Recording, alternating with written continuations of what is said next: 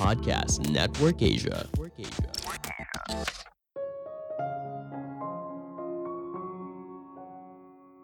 Cerita adalah cara kita memahami dunia manusia. Halo semuanya, nama saya Michael. Selamat datang di podcast saya, Sikutu Buku. Kali ini saya akan bahas buku The Science of Storytelling karya Will Storr. Sebagai informasi, podcast Sikutu Buku sekarang bergabung dengan Podcast Network Asia dan Podmetrics loh. Sebelum kita mulai, buat kalian yang mau support podcast ini agar terus berkarya, caranya gampang banget.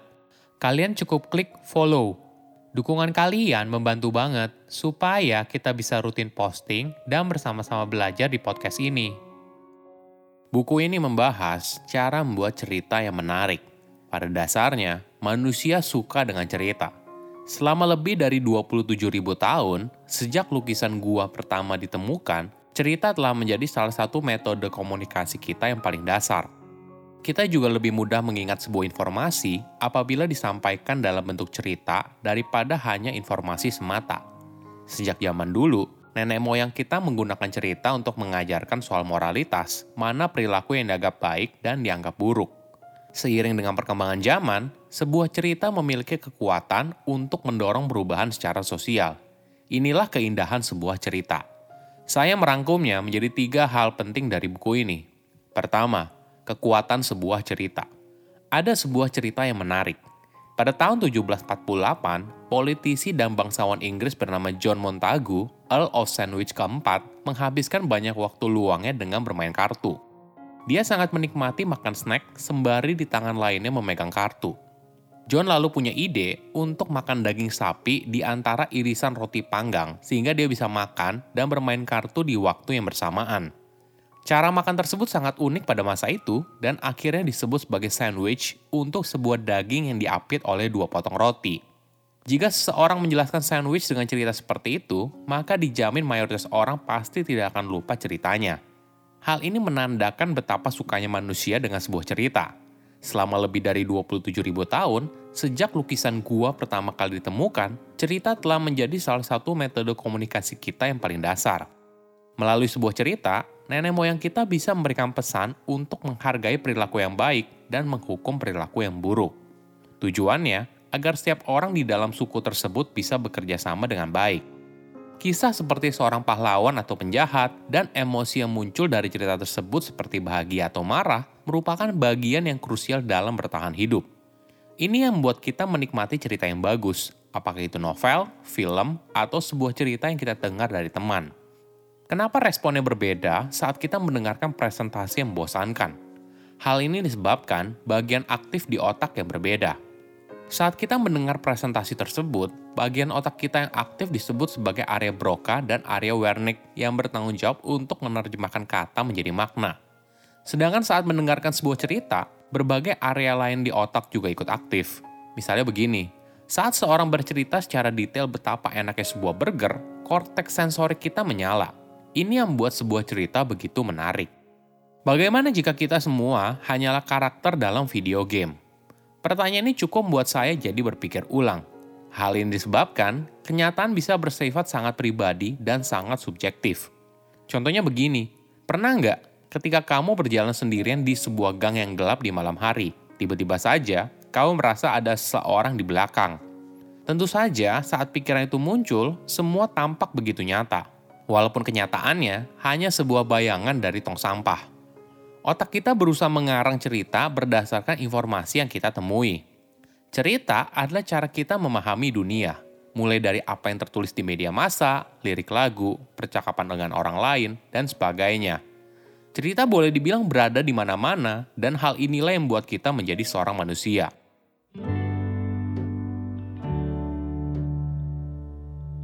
Kedua, karakter yang tidak sempurna. Kita sebenarnya tertarik pada hal yang tidak sempurna. Ketika mendengar sebuah cerita, kita suka dengan karakter yang dibuat sedekat mungkin dengan kenyataan berikut segala kekurangannya. Tanpa kita sadari, melalui karakter yang tidak sempurna, kita jadi merasa lebih aman mengeksplorasi kekurangan kita sendiri. Setiap orang punya kekurangannya masing-masing. Hal ini sering kali berakar pada identitas pribadi, nilai budaya, atau pandangan dunia di mana kita dibesarkan. Misalnya, Kamu lahir di Amerika pada abad ke-19 saat terjadi gold rush, penemuan dan perburuan tambang emas yang terjadi secara besar-besaran.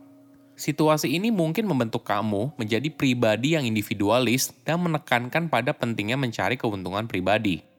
Lama-kelamaan, pandangan ini akan semakin kuat apalagi ketika kamu dewasa. Inilah yang buat kita sulit menerima pandangan yang berbeda. Ada sebuah penelitian yang menarik seorang ahli syaraf menunjukkan beberapa bukti yang berseberangan dengan pandangan politik respondennya. Pemindaian otak memperlihatkan reaksi fisiologis dan psikologis mereka yang terancam. Pada kenyataannya, kondisi ini mirip saat seseorang sedang diancam oleh beruang di alam liar. Kecenderungan kita yang berpegang pada sesuatu yang kita percayai, tidak peduli seberapa salahnya, membuat kita menyukai karakter yang sama. Kita ingin melihat karakter tersebut belajar, tumbuh, dan sukses. Selain itu, ada kepuasan tersendiri ketika karakter tersebut mengejar tujuan yang bermakna dan realistis.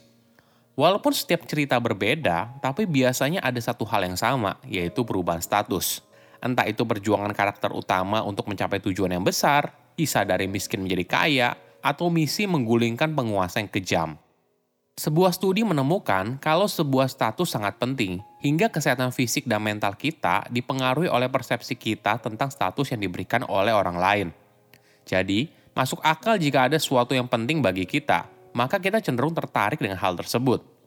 Sama halnya ketika kita menikmati bekerja menuju tujuan yang kita inginkan. Kita juga ingin merasa terhubung pada perjalanan sebuah karakter mencapai tujuannya.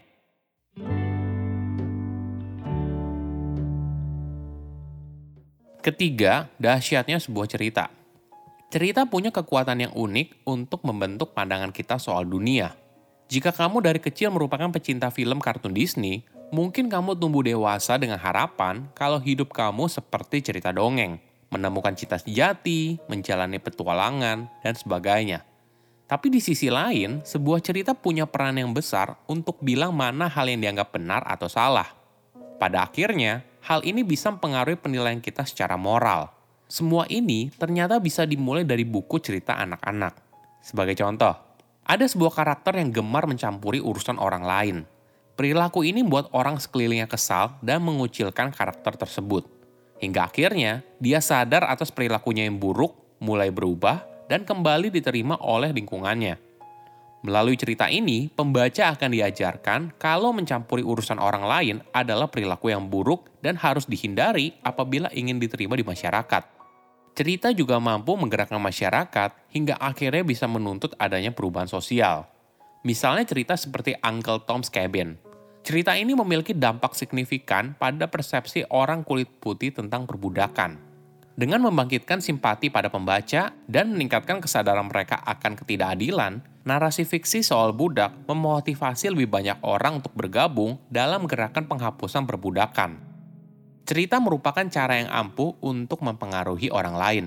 Sejak zaman dulu, kita terbiasa menggunakan cerita untuk mengajarkan soal moralitas dan mendorong adanya perubahan sosial. Saya undur diri, jangan lupa follow podcast Sikutu Buku. Bye-bye. Pandangan dan opini yang disampaikan oleh kreator podcast, host, dan tamu tidak mencerminkan kebijakan resmi dan bagian dari podcast Network Asia. Setiap konten yang disampaikan mereka di dalam podcast adalah opini mereka sendiri dan tidak bermaksud untuk merugikan agama, grup etnik, perkumpulan, organisasi, perusahaan, perorangan, atau siapa pun dan apa pun.